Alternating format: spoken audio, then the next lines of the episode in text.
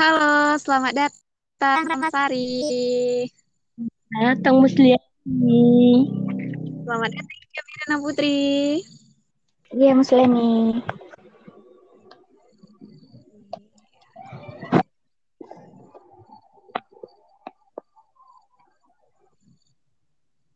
Oke, selamat datang Ibrahim. Halo, oke, oke, oke. Oke, semangat ya semuanya. Oke, kita mulai aja nih. Assalamualaikum warahmatullahi wabarakatuh. Halo para pendengar semuanya. Kami dari kelompok 5 yang beranggotakan Ibrahim, Ica Verina Putri, Musliani, da Ramasari, dan Saida Ulfapoha. Nah, kali ini kami akan mendiskusikan sebuah topik yang keren banget nih teman-teman, yaitu mengenai implementasi zakat jika ditinjau dari teori ekonomi Islam dan teori sosiologi.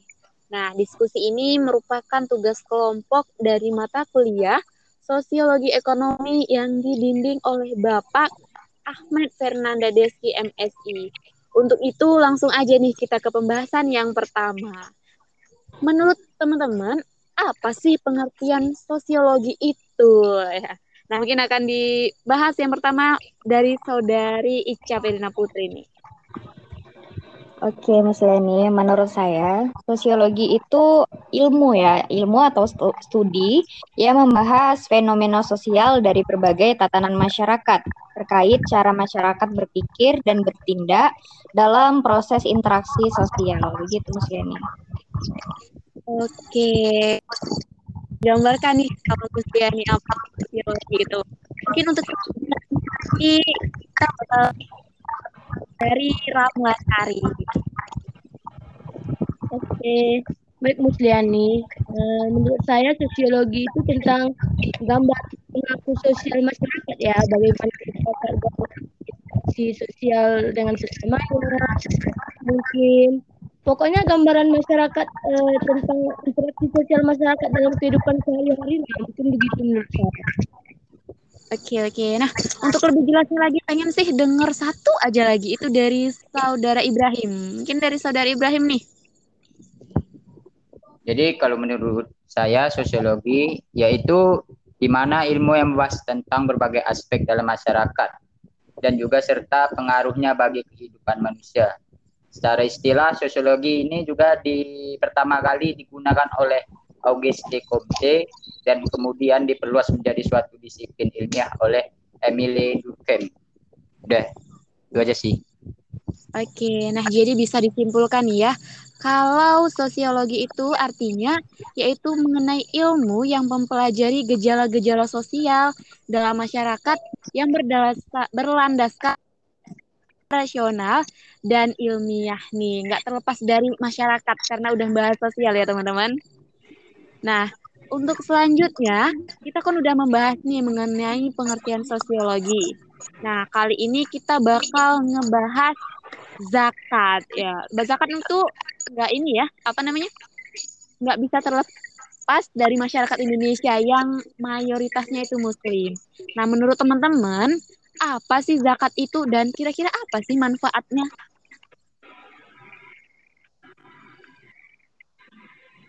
Untuk yang pertama nih, pengen ngedengari dari saudari Ramasari. Oke, di sini saya bahas pengertian zakat ya. Pengertian zakat itu menurut saya uh, pemberian uh, orang yang hartanya berlebih kepada orang yang lebih membutuhkan untuk menjaga kesucian hartanya agar lebih berkah gitu. Wah, Bagus, bagus, bagus. Nah, untuk lebih jelasnya lagi nih, pengen denger nih dari saudari Ica Firna Putri mengenai zakat dan manfaatnya. Oke, tadi kan Ramla udah jelasin tentang pengertian. Aku mau tambahin secara manfaatnya nih. Zakat itu punya tiga manfaat. Yang pertama, dia menurut ibadah Zakat itu mengangkat derajat keimanan manusia. Kemudian ada secara hubungan manusia, zakat itu membantu saudara yang sedang membutuhkan atau yang sedang kesusahan. Uh, kemudian dari segi diri sendiri nih, zakat itu bisa uh, membuat batin kita tenang dan menyucikan jiwa begitu. Oke, terima kasih nih. Mungkin selanjutnya akan dibahas oleh Ibrahim nih. Apa sih dari zakat itu sendiri dan apa kira-kira manfaatnya gitu? Atau hal lainnya lagi yang mengenai zakat itu? Oke, baik. Nah, di situ juga sudah diterangkan ya, kayak si saudari Ramla. Nah, terus juga di sini tentang zakat uh, yang menerima itu ada delapan, delapan golongan, di mana disampaikan di surah At-Taubah ayat 60. Yang pertama itu uh, orang fakir, kedua orang miskin, tiga orang-orang yang menjadi amil zakat, keempat mu'alaf, lima untuk usaha untuk usaha membebaskan perbudakan, enam orang yang berhutang, tujuh fisabilillah dan delapan yaitu ibnu sabil. Dari itu aja. Uh, Oke okay, oke, okay. tapi uh, sebenarnya ada yang ngejanggal nih sama Musliani. Tadi kan Ramlah bilang kalau zakat itu adalah harta yang dikeluarkan oleh orang-orang yang memiliki harta yang berlebih gitu kan ya. Mungkin dari teman-teman nih, kalau misalnya untuk orang-orang yang tidak memiliki harta berlebih itu gimana ya kira-kira? Aku mau tambahin ya, Musliani boleh kan? Ya, boleh, boleh, boleh. Uh, jadi kalau pertanyaannya kayak gitu, uh, kembali lagi kita zakat itu kan ada tergolong, ada zakat harta atau zakat mal, ada zakat fitrah. Nah, zakat harta itu dikhususkan oleh orang yang memiliki penghasilan yang sudah ditentukan. Mungkin itulah penghasilan lebih yang dimaksud. Nah, uh, zakat fitrah itu adalah zakat yang uh, wajib ditunaikan kepada apa namanya? ke uh, pada saat uh, menjelang Idul Fitri ya gitu. Jadi uh, tidak mungkin mungkin tidak banyak tapi sesuai kesanggupan yang sudah diatur begitu Musleni. Oke, berarti bisalah kita ambil kesimpulan nih. Sebenarnya zakat itu adalah uh, zakat adalah kegiatan di mana kita memberikan kepada orang lain berupa harta kita gitu. Walaupun orang yang tidak memiliki harta juga bisa nih memberikan zakat yaitu melalui zakat fitrah ya teman-teman. Nah, untuk selanjutnya nih, kita bakal ngebahas mengenai yang keren banget nih pembahasannya. Pertanyaan juga keren banget nih. Yaitu, bisa nggak sih zakat itu membangkitkan ekonomi umat? Wah, mungkin kita pengen dengar nih dari saudari Ica dulu nih. Oke, uh, pertanyaan yang keren. Zakat bisa nggak sih membangkitkan ekonomi umat? Uh, kalau saya ditanya, menurut saya itu bisa. Karena uh, kita kembali lagi pada zaman Rasulullah, terutama Khalifah Umar bin Khattab, uh, zakat itu menjadi sumber devisa negara. Karena kan dulu tidak ada yang namanya pajak. Nah, sekarang yang kita yang pakai pajak malah, tapi uh, zakatnya tidak digalakkan gitu. Uh, kemudian zakat itu bisa membangkitkan ekonomi, bisa mengatasi pengangguran, dan pasti kemiskinan dan apa namanya angka kematian juga akan menurun begitu. Nah, saya mendapatkan informasi juga nih dari Baznas.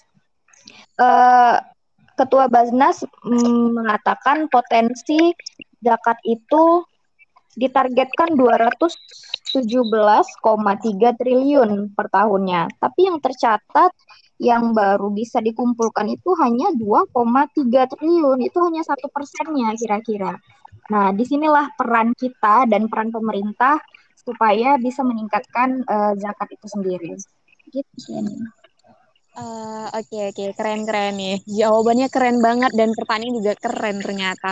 Nah mungkin lagi nih pengen dengar dari Ramlasari gitu. Kira-kira menurut Ramlasari bisa nggak sih zakat itu membangkitkan ekonomi umat? Oke, terima kasih saudari Risliani. Mungkin menurut saya itu mungkin bisa ya. Mungkin kalau kita bilang meningkatkan uh, ekonomi umat, mungkin itu bisa bisa dari manfaat zakat yang kita berikan tadi. Misalnya kita beri berupa harta, mungkin bisa bermanfaat bagi mungkin yang disebutkan tadi mungkin bagi fakir miskin gitu, bagi orang-orang yang berhutang mungkin itu bisa bermanfaat dan bisa meningkatkan ekonomi juga menurut saya begitu, Saudara Musliani. Oke, nggak kalah keren nih jawabannya ya. Berarti bisa kita ketahui zakat itu adalah salah satu aspek yang bisa membangkitkan ekonomi umat. Terkhusus sendiri di Indonesia itu bisa membangkitkan perekonomian Indonesia dengan catatan pemerintah itu uh, lebih menggiatkan lagi dan selain pemerintah juga terdapat dari diri kita sendiri nih untuk lebih uh, menerapkan kepada diri kita untuk gimana caranya kita biar supaya berzakat gitu karena dimulai itu dari diri kita sendiri bukan dari orang lain. Mungkin gitu ya teman-teman? Setuju. Nah selanjutnya nih kan kita udah ngebahas nih tentang sosiologi kita juga udah ngebahas tentang zakat. Kira-kira apa sih hubungan zakat dan sosiologi itu sendiri?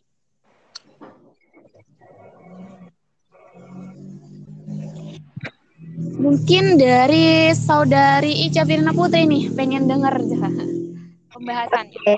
Uh, kembali lagi, zakat itu adalah bagian dari ibadah ya. Sekaligus uh, zakat itu bisa sebagai pemecah masalah ekonomi yang melibatkan moral. Nah, di sinilah hubungannya zakat dengan sosiologi. Zakat itu uh, apa ya melatih rasa kemanusiaan kita, melatih rasa keadilan dan sosialnya. Zakat juga bisa mengikis sifat tamak dan serakah sebagai manusia. Jadi letak sosiologinya itu di situ. Gitu Musliani. Uh, Oke, okay. udah mulai jelas nih, udah tergambar sedikit demi sedikit di uh, Musliani apa sih hubungannya. Mungkin pengen lebih jelasnya lagi nih, akan dibahas oleh saudari Ramlatari ini. Oke, terima kasih Musliani. Kalau menurut saya hubungan zakat sama sosiologi itu mungkin sangat berhubungan ya. Karena mungkin sosialnya di dalam zakat itu juga terdapat gitu gimana kita berinteraksi mungkin di dalam berzakat atau mungkin dalam berzakat ini kita juga bisa meningkatkan silaturahmi dan uh, uh, kan manusia makhluk sosial mungkin kita juga bisa cara bersosial yang baik mungkin dalam berzakat tadi mungkin gitu sih Musliani.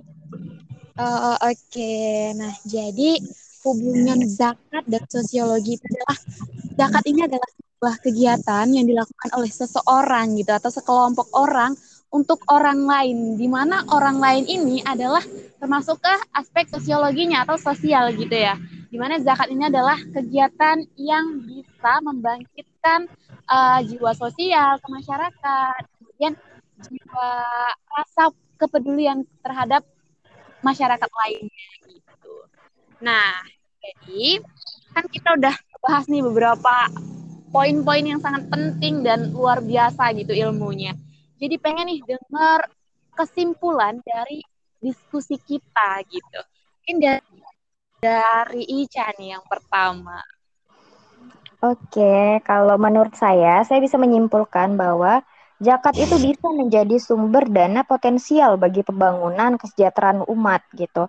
Namun pemerintah sendiri belum melihat zakat sebagai potensi yang besar. Uh, makanya itu uh, pemerintah mungkin belum menetapkan atau menggalakkan uh, zakat ini sebagai kewajiban gitu kan. Tapi sudah diatur di dalam undang-undang tapi belum mewajibkan begitu. Uh, kemudian dari dari diri kita sendiri nih harus uh, meningkatkan rasa kemanusiaan melalui zakat itu. Selain itu dari sisi sosiologi uh, masih kurang kesadaran masyarakat tentang manfaat zakat. Nah, jadi kembali lagi uh, ke diri kita sendiri harus sadar akan pentingnya zakat itu dari uh, sisi ibadah, sisi kemanusiaan dan sisi diri sendiri kita gitu. Terima kasih. Uh, Oke, okay. luar biasa nih, udah dapet banget gitu ya ilmu-ilmu yang udah kita bahas tadi gitu. Mungkin dari saudari Ramasari nih pengen dengar kesimpulannya gitu, biar bertambah lagi nih ilmu kita. Oke, kalau menurut saya kesimpulannya itu gitu, zakat itu mengajarkan kita untuk bagaimana cara kita untuk memanusiakan manusia dan menghargai satu sama lain dan mengajarkan kita cara bersosial yang baik. Mungkin gitu menurut saya. Oke, terima kasih nih teman-teman. Mungkin kalau dari Musliani sendiri gitu, kesimpulan diskusi kita itu adalah ada yang mengatakan uh, uh, hadis gitu kan, sebaik-baiknya manusia adalah yang bermanfaat bagi orang lain. Nah, untuk menjadi bermanfaat itu bisa kita lakukan dengan berzakat gitu ya. Selain bisa bermanfaat untuk orang lain, kita juga secara tidak langsung gitu kan, kita bisa membangkitkan perekonomian umat gitu. Terutama apalagi di Indonesia gitu kan. Jika pemerintahnya lebih mendukung lagi dan menggalakkan lagi masyarakatnya untuk berzakat, mungkin bisa saja nih perekonomian di Indonesia tuh akan lebih membaik. Namun kembali lagi itu semua juga dimulai dari diri kita sendiri. Nah, oke teman-teman. Baiklah, terima kasih nih atas kesediaan waktu dan pendapat pendapatnya yang sangat-sangat luar biasa dan keren banget nih. Musya ini jadi nambah ilmunya tentang zakat, sosiologi dan itu sendiri gimana gitu ya. Nah, Semoga dengan ilmu yang kita bahas hari ini, dengan diskusi yang kita jelaskan hari ini gitu, itu dapat kita ambil hikmahnya, ambil ilmunya, dan semoga nih bermanfaat untuk kita semua ya teman-teman. Amin, amin ya robbal alamin. Kemudian, wakili kelompok lima mengucapkan terima kasih banyak sudah mendengarkan diskusi kami dan mohon maaf apabila terdapat banyak kesalahan. Akhirul kalam, wassalamualaikum warahmatullahi wabarakatuh. Selamat sore semuanya.